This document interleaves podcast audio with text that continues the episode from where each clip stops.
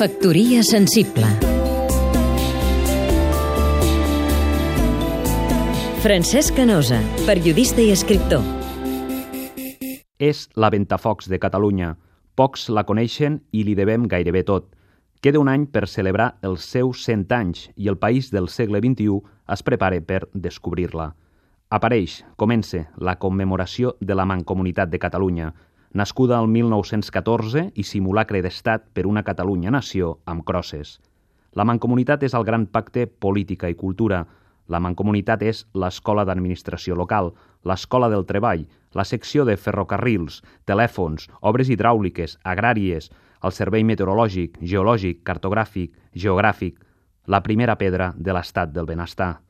La Mancomunitat és cultura, la Biblioteca de Catalunya, l'Institut d'Estudis Catalans, la xarxa de biblioteques, escoles, tot Pompeu Fabra, les normes ortogràfiques, la gramàtica, el diccionari, els versos d'en Josep Carné, els articles d'Eugeni d'Ors, les escultures d'Aristides Mayol, Josep Clarà, la pintura de Torres, Nogués.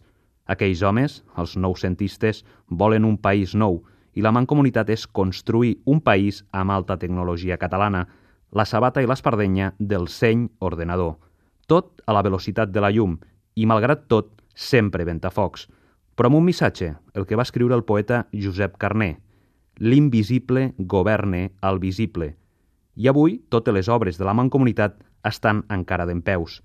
El país del segle XXI viu de l'edifici del segle XX, quan el president de la Mancomunitat, Enric Prat de la Riba, va dir «Volem per Catalunya un cos d'estat» i la cultura va començar a posar els maons de la il·lusió. Factoria sensible. Seguim-nos també a catradio.cat